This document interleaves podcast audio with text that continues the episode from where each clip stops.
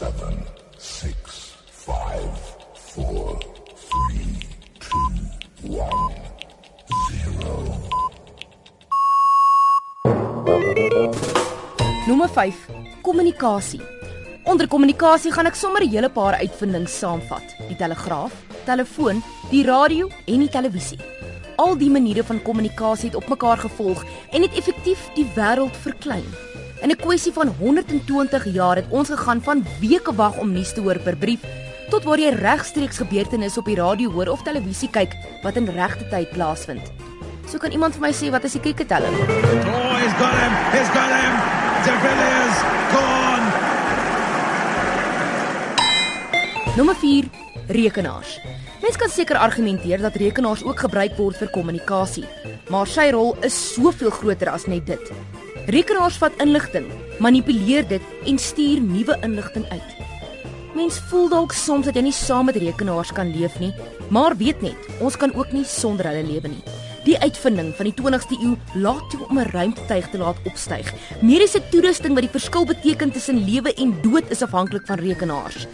En dan vir iets ligters, word hulle ook gebruik om jou gunsteling sepie te redigeer.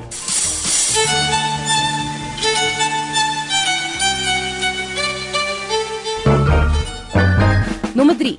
Die internet. Dit bring ons natuurlik by die groot baas. Die internet is so 'n kragtige uitvinding dat ons waarskynlik eers onlangs die mag wat dit oor die wêreld het besef. Met die hulp van die internet word ander uitvindings vinniger ontdek as in enige ander tydperk. Jy kan enige inligting van enige plek in die wêreld bekom met een klik van 'n knoppie en dit net so vinnig weer aanstuur. #ongelooflik.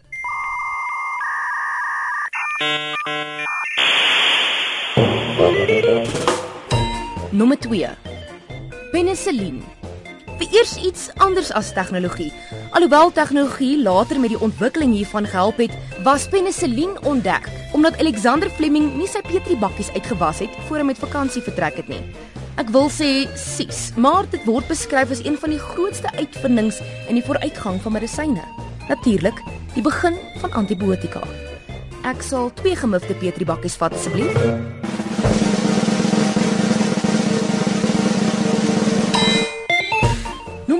Lys van uitvindings wat die wêreld verander het, was slegs op een webtuiste wat ek opgespoor het. En dit was onder die snaakse uitvindings. Die spoeltoilet. Die enigste ding wat vir my snaaks is van die uitvinding van die spoeltoilet, is die korrige name wat gebruik word om dit te beskryf. Maar ek weet my lewe sou heelwat anders gewees het sonder Thomas Crapper se finale ontwerp van die troon.